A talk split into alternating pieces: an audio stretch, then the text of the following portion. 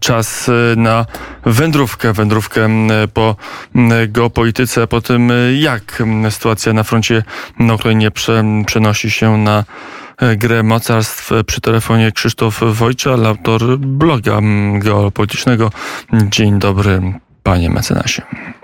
Dzień dobry panie redaktorze, dzień dobry państwu.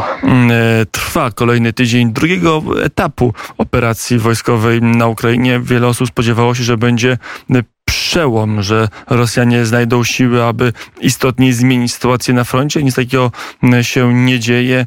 Gdzie niegdzie Ukraińcy się cofają, gdzie niegdzie idą do przodu, ale front raczej e, stoi. Jak, jakie będą tego implikacje i co to nam mówi o potencjale militarnym jednej i drugiej strony? Wydaje się, że y, ukraińska obrona okrzepła i E, jednak te dosyłane e, siły przez Ukraińców tutaj na front południowo-zachodni e, z pewnością zrobiły swoje. Jednocześnie widać, że Rosjanie nie posiadają dostatecznej liczebności i wycofane jednostki spod choćby Charkowa E, ich brak jest tam bardzo widoczny, ponieważ na tamtym kierunku właśnie Ukraińcy mm, odbijają kolejne miejscowości. E, natomiast oczywiście e, w samym Donbasie mm, to Rosjanie mają inicjatywę i posuwają się do przodu bardzo powoli i mm, bardzo krwawo. E, natomiast e, no ja ten etap postrzegam jako etap bardzo przejściowy wojny, to znaczy Rosjanie musieli się skupić na jednym kierunku, ponieważ nie byli przygotowani wcześniej do obsłużenia tych wszystkich kierunków, e, które, mm, z których atakowali w, w pierwszych tygodniach wojny, w związku z czym ograniczyli swoją ofensywę, natomiast na pewno w mojej ocenie zbierają E, siły do ponownego skoku na Kijów, tylko, tylko teraz jest pytanie, e, kiedy to nastąpi. I z tego, co czytałem chyba wczoraj, ukraińskie Ministerstwo Obrony E, również, e, również podało taką informację, że spodziewany jest, e, znaczy, że, że obserwują, Ukraińcy obserwują planowany, planowanie drugiego, jakby drugiego ataku na Kijów. Także.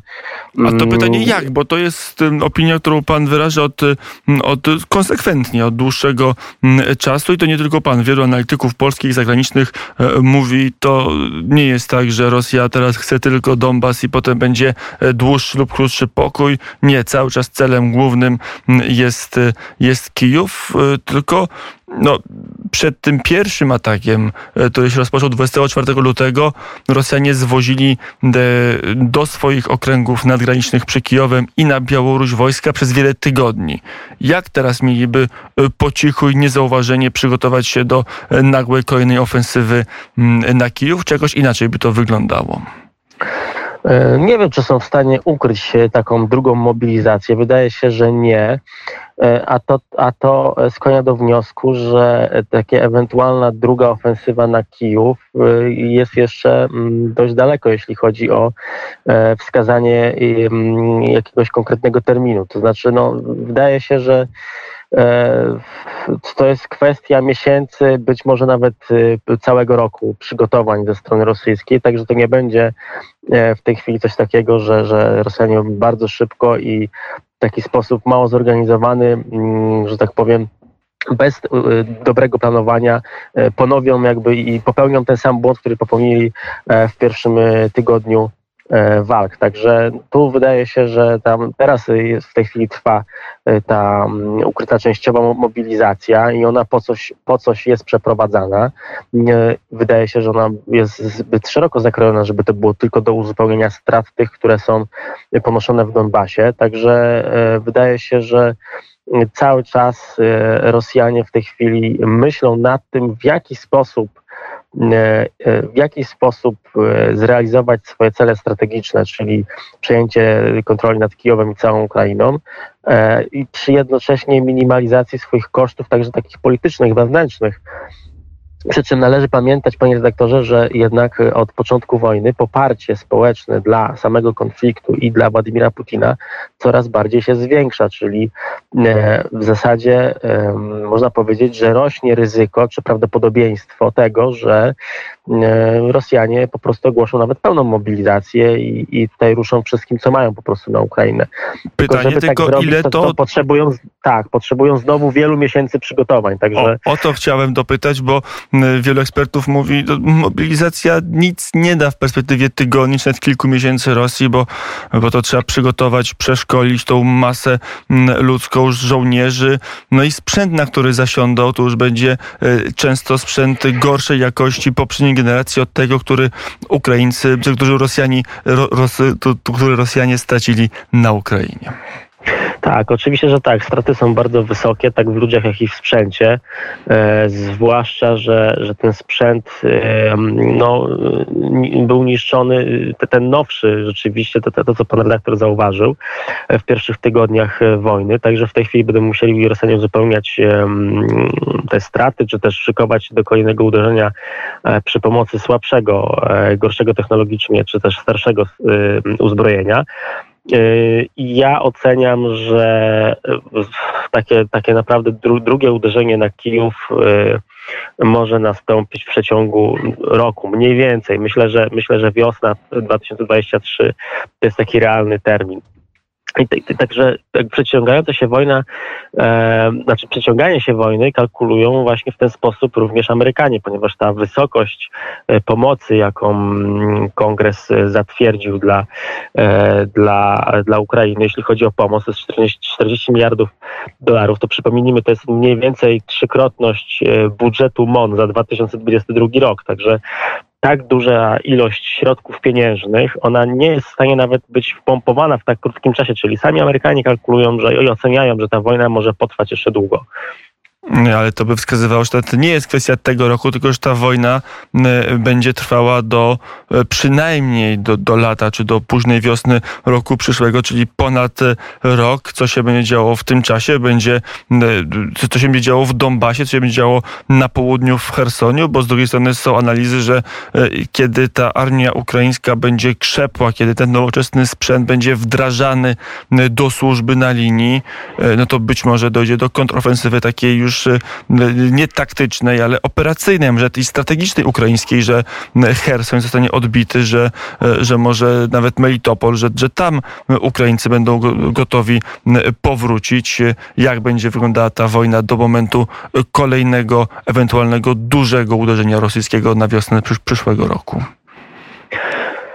Nie wydaje mi się, żeby Ukraińcy mimo tej wielkiej pomocy sprzętowej e, byli w stanie przeprowadzić szeroko zakrojoną taką operacyjną kontrofensywę, z tego względu, że e, być może ten sprzęt e, przybywa i rzeczywiście te jednostki artylerii, czołgi, no ale to też nie jest sprzęt jakościowo lepszy niż, niż to, czym dysponują Rosjanie. Być może ta artyleria ze Stanów Zjednoczonych rzeczywiście ona ona ma dalszy zasięg i potencjał, ale to też jest znowu artyleria holowana, a nie samobieżna. Także mm, e, jakby ten sprzęt, który Ukraińcy dostają, on nie jest, on nie daje jakiejś wysokiej technologicznej przewagi na polu bitwy nad Rosjanami, a żeby jeszcze przeprowadzić e, skutecznie ofensywę, to nie tylko potrzeba sił pancernych, a, które rzeczywiście dostały uzupełnienia, ale jeszcze potrzeba też e, lotnictwa. I to jest jeszcze obserwowane po stronie ukraińskiej, jeszcze są wykonywane misje, ale wydaje mi się, że to lotnictwo ukraińskie mimo wszystko jest za słabe, by, by móc wesprzeć e, jakąś większą, e, większą kontrofensywę. E, I wydaje mi się, że ten konflikt może faktycznie przebiegać przez kolejne tygodnie, a nawet miesiące w taki sposób, w jaki przebiega w tej chwili. To znaczy Rosjanie nie mając, nie będąc przygotowanym do takiej większej ofensywy, będą jakby tutaj maksymalnie optymalizowali swoje siły na, na wybranych bardzo nielicznych kierunkach. Ukraińcy z kolei i tak, bo Ukraińcy mogą prowadzić te kontrofensywy z tego względu, że e, oni jakby angażują cały czas całą armię do obrony, która liczebnie też się zwiększa z uwagi na przystępowanie ochotników. Natomiast no i muszą bronić cały czas wszystkich kierunków, ponieważ spodziewają się, że jeśli gdzieś ustąpią, no to wówczas Rosjanie mogą wykorzystać taki kierunek, który jest niebroniony, więc Ukraińcy nie mogą się skupić na jednym miejscu, muszą cały czas bronić wszystkich granic, a w związku z tym, no i tak do czegoś trzeba, do czegoś można wykorzystać te siły, które nie są akurat na froncie w Donbasie, więc te siły przeprowadzają kontrofensywy na przykład pod Charkowem. I tak wydaje mi się, że to może wyglądać przez kolejne tygodnie, to znaczy Ukraińcy będą odbijać sobie terytorium powoli e, tam, gdzie e, Rosjanie nie skupiają swoich sił, natomiast tam, gdzie, mm, tam, gdzie Rosjanie będą bardziej, będą wywierali większą presję, no to będą zażarte krwawe walki. Natomiast, tak jak mówię, no ja cały czas się spodziewam tego, że Rosjanie naprawdę przygotowują się do, do większej operacji, tym, tym razem o wiele szerzej zakrojonej i mm, bez lekceważenia przeciwnika. E, na ile jest tak, że e, przed tym wprowadzeniem e, pełnoskalowej wojny, tak to nazwijmy jakiś termin, trzeba będzie ugóć na to, co to Rosjanie planują za kilka miesięcy. Jak rozumiem, tak to jest przewidywane. Wcześniej może nastąpić jakieś rozstrzygnięcie na froncie, czy to że będzie front stabilny? No, dzisiaj mam informację, że Ukraińcy z jednego miejsca się wycofują o parę kilometrów za Doniec, za Doniec, za rzekę rzekę tak. Doniec, tak opuszczając kilka miejscowości, potem może wrócą, ale że to będzie mniej więcej stabilny front i ta wojna na, na tym łuku ługańsko-donieckim będzie tak trwała do momentu tego dużego uderzenia rosyjskiego? E, tak to może wyglądać, panie redaktorze, ponieważ do takich szybkich postępów na froncie i do jakichś decydujących rozstrzygnięć e, potrzeba e, jednak przewagi na, na poziomie operacyjnym, czyli no to musimy po prostu postarać się oskrzydlić przeciwnika, wejść w miejsca, gdzie jest, gdzie jest słabszy, być może okrążyć jego siły, gdzie się one bardzo zacięcie bronią. Natomiast jeśli walczymy na bardzo ograniczonym, wąskim e, froncie, na, na małym odcinku, no tam może oczywiście obrońca się mm, mocno okopać i w zasadzie trzeba frontalnie e, przebijać się przez zasieki. Także ten postęp na froncie będzie e, z siłą rzeczy znacznie, znacznie wolniejszy, znacznie okupiony znacznie większymi stratami. Także e, wydaje się, że tak mogą cały czas wyglądać kolejne tygodnie, tak jak wyglądały właśnie te, te, te przedni w zasadzie miesiąc cały walk. Także E, no, nie byłbym e, bardzo zaskoczony, gdyby Rosjanom udało się e, jeszcze w tym roku rzeczywiście zorganizować bardzo dużą operację. Wydaje mi się, że, że, że potrzebują w tej chwili więcej czasu niż potrzebowali do przygotowań przed lutowym uderzeniem, a pamiętajmy, że się przygotowywali do tego od kwietnia 2021 roku, także żeby uderzyć w lutym takimi siłami, jakimi uderzyli, czyli niewystarczającymi, no szykowali się 8 8-10 miesięcy. E, także tutaj, żeby ponowić coś takiego na taką skalę, taki atak, no to wydaje mi się, że rok to jest minimum. E, zatem e, Ukraina, a także Zachód ma rok czasu. Co może w tym, w tym okresie zrobić? Pewnie włączy i w pełni zintegruje, czy w dużym stopniu zintegruje Finlandię i Szwecję z NATO. Co jeszcze może się wydarzyć? Wydaje mi się, że, że NATO e, w tej chwili cały czas jakby testuje e, granice, które wyznaczył Putin e, w zakresie tego, że, że straszy Zachód, tak, żeby nie pomagać Ukrainie. I jak widzieliśmy, na początku zaczęło się od wyrzutni i lek lekkiego sprzętu dla piechoty, później poszły już czołgi, również samoloty, w tej chwili artyleria została dostarczona przez Amerykanów. Także mm, tutaj wydaje mi się, że ta pomoc Zachodu będzie coraz większa, coraz mm, bardziej e, systemowa, e, czyli e, Ukraińcy będą mogli korzystać z takiego zaplecza szkoleniowego na zachodzie, wysyłać tam swoich ludzi i ci ludzie później będą wracać na Ukrainę już wyposażeni w jakiś nowoczesny sprzęt, czy to przeciwlotniczy, czy to przecież właśnie w artylerię, czy w sprzęt ciężki. Także tutaj wydaje mi się, że, że pomoc w zasadzie będzie tylko od o krok, że tak powiem, jeśli chodzi o możliwości od rzeczywistego wkroczenia przez NATO na tereny Ukrainy. Także e, raczej spodziewał się, to, żeby to, że w tą, w tą stronę to będzie szło. Natomiast Myślę, że e, myślę, że pod kątem politycznym to przyjęcie, zresztą ja, ja też pisałem chyba pierwszego dnia wojny, że, że to, co powinno się zrobić, to właśnie jak najszybciej przyjąć Finlandię e, i Szwecję do NATO, tak, żeby Rosjanie nie, byli zdolni zareagować. I to się właśnie dzieje. E, i to jest bardzo dobra informacja. I teraz e, to Rosjanie będą musieli tak naprawdę coś e, wykonać, jakiś krok, czy myśleć o swojej przyszłości, jak rozwiązać tą kwestię na Ukrainie, w której tak naprawdę weszli. W tej chwili wydaje się, że nie posiadają środków i cały czas zastanawiają się, jak rozwiązać tę sytuację, żeby nie przegrać nie poddać się, czy nie wyjść na na stronę, która właśnie przegrała, a żeby jednocześnie osiągnąć cele, cele strategiczne. Także NATO będzie zwiększało swoją pomoc i, i tutaj nie spodziewam się jakichś fajerwerków, e, póki, e, póki nie nastąpi faktycznie jakieś e, bardzo mocne, zdecydowane mm, działanie ze strony Rosji. Także wydaje mi się, że tutaj bardziej NATO będzie wyczekiwało, jak Rosjanie, Rosjanie za, mm, odpowiedzą, czy też zareagują na, te, na tą zwiększającą się pomoc.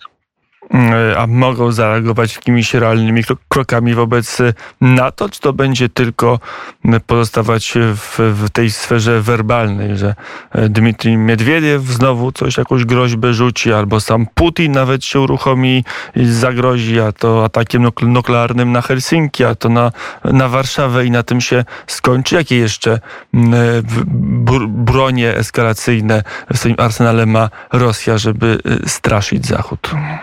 No właśnie, tak jak redaktor zauważył, no niespecjalnie mają e, tutaj pole manewru Rosjanie.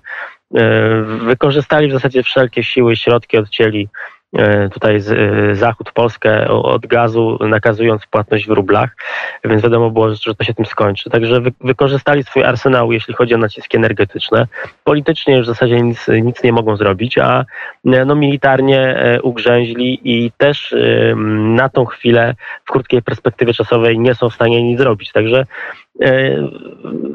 wydaje mi się, że tutaj po stronie Zachodu politycy też, decydenci jakby się mocno uspokoili, zobaczyli, że sytuacja jest stabilna, że można po prostu pomagać Ukrainie robić, e, robić jeszcze więcej niż do tej pory, a jednocześnie Rosjanie, e, Rosjanie nie za bardzo mają jak i czym odpo odpowiadać, więc e, tutaj to, to obserwujemy chyba dzisiaj czy wczoraj też mm, Amerykanie potwierdzili, że będą bronić każdego metra NATO i odpowiedzą na każdy atak rosyjski, czyli tutaj jest jakby ten mm, mm, postawiona tak, tak, jakby polityczna i werbalna e, taka, mm, taka ściana dla, dla Putina, że, że są pewne rzeczy, które, które, których NATO nie popuści, a jednocześnie NATO zwiększa pomoc dla Ukrainy i, i, i tutaj jakby Rosjanie nie za bardzo mają czym odpowiadać. Także, także e, wydaje mi się, że to po prostu będzie w taki sposób przez kolejne tygodnie, miesiące będzie w taki sposób wyglądać. My jeszcze wrócimy na Ukrainę w naszej rozmowie, ale na sekundę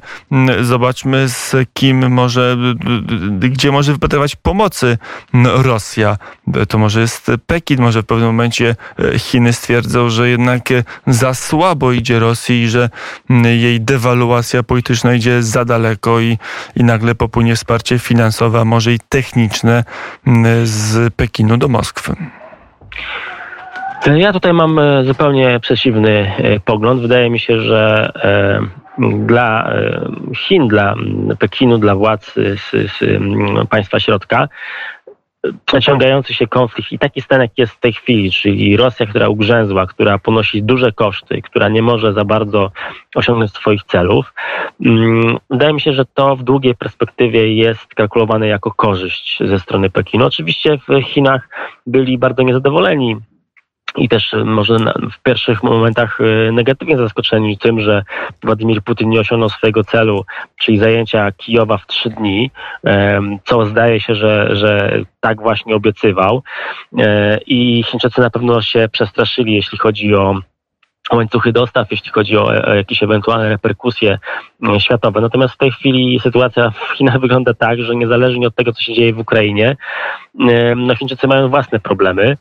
E, jeśli chodzi właśnie o transport morski, a jednocześnie w długiej perspektywie czasu no, no Rosja jest tak naprawdę Chińczykom mm, zbędna. Im słabsza Rosja, tym lepiej. E, tym e, większe pole do ekspansji politycznej i ekonomicznej, w tym w Azji Centralnej. Także tutaj raczej bym się spodziewał, że Chińczycy będą w stanie nawet e, opuścić e, Rosję w momencie, kiedy najbardziej będzie tego potrzebowała. Mm, tylko teraz kwestia jest za jaką cenę i tutaj będzie na pewno w mojej ocenie mocne takie starcie i przepychanki między Waszyngtonem a Pekinem. Może być właśnie rosnące napięcie, które będzie być może dla obserwatorów mogło prowadzić do jakiegoś konfliktu. Natomiast w mojej ocenie jedna i druga strona tak prędzej czy później po prostu się dogadają. Z tego względu, że Chińczycy są uzależnieni na przykład od importu ropy naftowej z Bliskiego Wschodu, a to wszystko dzieje się transportem morskim, który jest uzależniony od Stanów Zjednoczonych, a Stany Zjednoczone po prostu na e, krótką, taktyczną na krótki taktyczny sojusz mogą się zdecydować z Chińczykami po to, by szybko się rozprawić z Rosją. A z punktu widzenia Waszyngtonu. Jeszcze na sekundę z tej perspektywy na ten konflikt spójrzmy, bo pojawiła się teza, że, że może właśnie Waszyngton ostatecznie się dowiedział i zobaczył, że Rosja nie jest dla, dla Stanów partnerem, nie jest dla Stanów rywalem. O, to znaczy lepsze słowo, z którym musi się sama mierzyć, że za chwilę będzie można problem w wschodniej flanki NATO pozostawić na barkach Polski, Rumunii, e, Ukrainy, innych państw, może już mniej Berlina i zająć się pełnoskalowo Chinami, bo, bo Rosja nie jest tak groźna, jak się e, wydawało. E, tak, tak, e, tak może się mm, to wszystko potoczyć, ale żeby Amerykanie uznali, że wschodnia flanka NATO jest bezpieczna i nie potrzebuje mm, ingerencji ze strony Stanów Zjednoczonych. Znaczy potrzebujemy no Rosja... wsparcia finansowego, technologicznego, sprzedaż sprzętu, odpowiednie kredyty, ale że już można powiedzieć załatwcie Rosję i trzymajcie Rosję e, sami, a my szykujemy się całą mocą na długotrwałą rywalizację ekonomiczną, może i w pewnym sensie militarną z Chinami.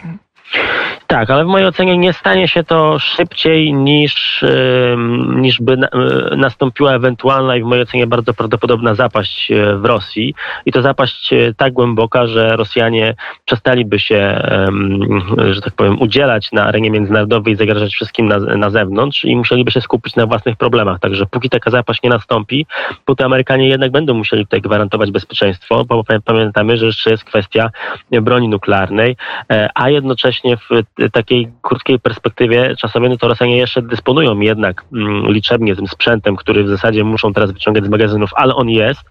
E, dysponują jednak tą liczebnością, która nie jest zmobilizowana, ale może być zmobilizowana, a tymczasem e, państwa na wschodniej flance jak Polska, Rumunia, no i mimo wszystko u nas, mimo postępów, jeśli chodzi o zbrojenia, no to te postępy nie są wystarczająco szybkie, żeby na przykład za rok być samodzielnym zupełnie. Także w, myślę, że co najmniej e, dwa, trzy, do momentu rozstrzygnięcia, o może powiem tak, że do, do, momentu rozstrzygnięcia wojny na Ukrainie wydaje mi się, że Amerykanie będą tutaj zaangażowani bardzo mocno i będą, będą również obecni, jeśli chodzi o wojskowość e, w naszym regionie. Zwłaszcza, że jak się patrzy na tempo zamówień, ono jest duże, ale ale tak naprawdę polska armia zyska taką samodzielną, no nie samodzielną, bo w oparciu o amerykańskie systemy, no ale możliwość działania w roku 27-28, tak mówi najwcześniej, tak mówi wielu ekspertów. Tak, najwcześniej plan modernizacji technicznej jest nawet y, zakreślony na, na, na, na, rok 2035 i, y, i wydaje mi się, że dopiero mniej więcej wówczas będziemy rzeczywiście na każdej z płaszczyzn y, dość samodzielni i będziemy mieli wystarczająco systemowo, system cały y, uzbrojenia będzie nowoczesny, będzie spięty i, i będzie rzeczywiście funkcjonował jako, jako jedna taka nowoczesna komórka. No, w tej chwili cały czas mamy jeszcze tą wyspową gotowość, osobowość, oczywiście uzupełniamy mm, z czasem, ale to 2027-2028 to jest, to jest taki optymistyczny wariant.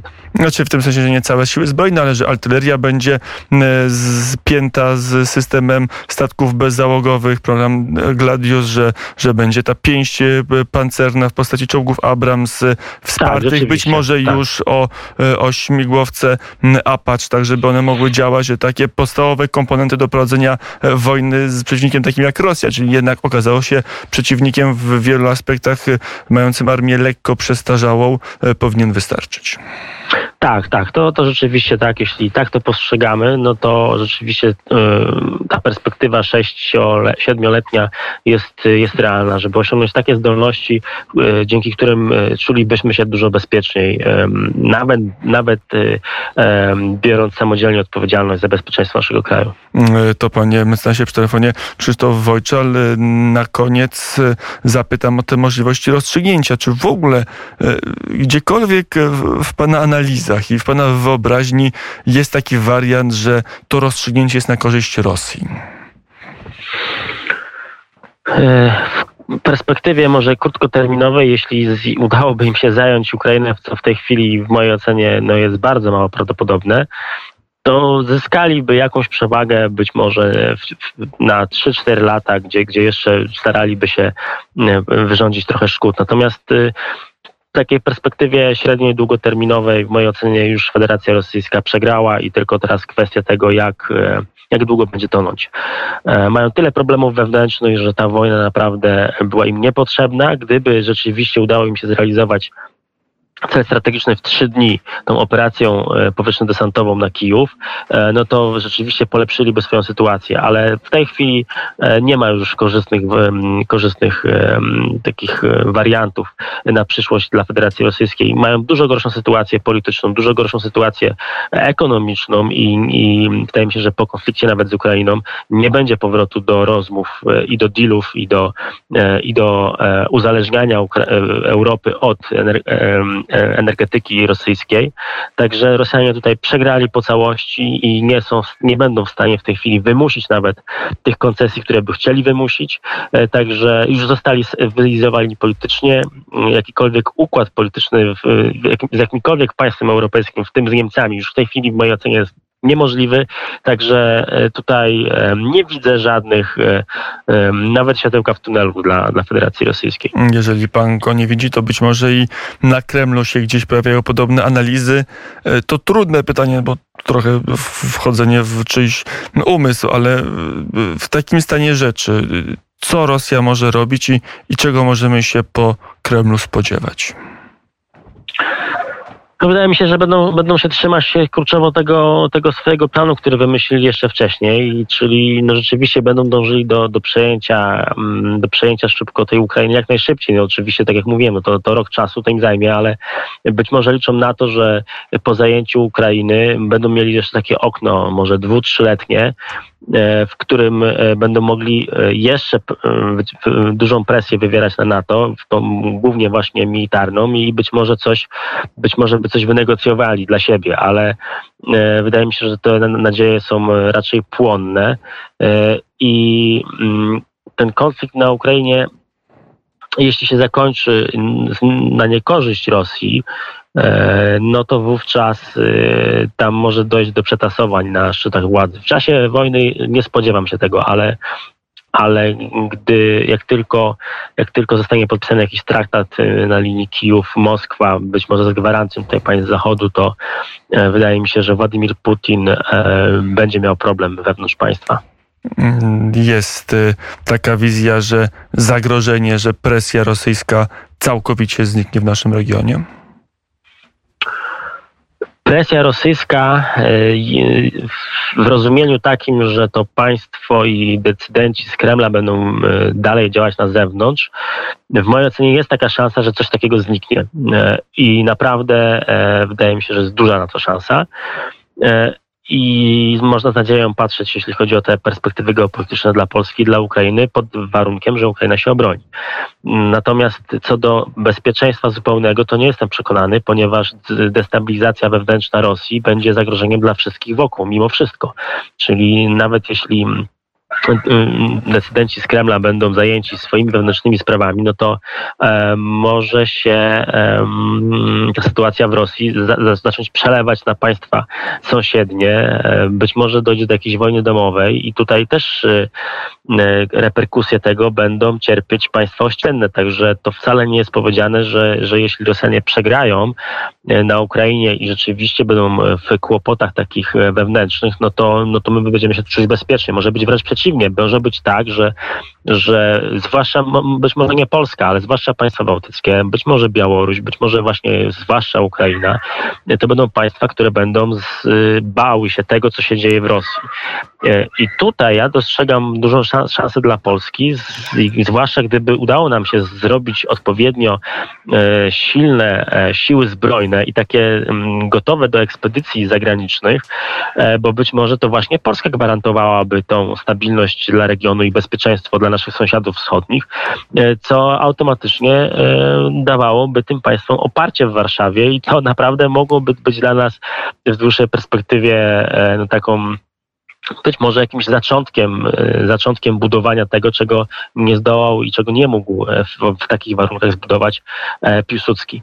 Mm, e, Zobaczymy. Następną rozmowę poświęcimy e, tym właśnie przewidywaniom, jak Polska może wyglądać jej pozycja międzynarodowa po mm, e, tym konflikcie, kiedykolwiek on się zakończy. Na Ukrainie Krzysztof Wojczal, mm, analityk, autor bloga o, geo- o geopolityce, był gościem Radia Wnet. Dziękuję bardzo za rozmowę.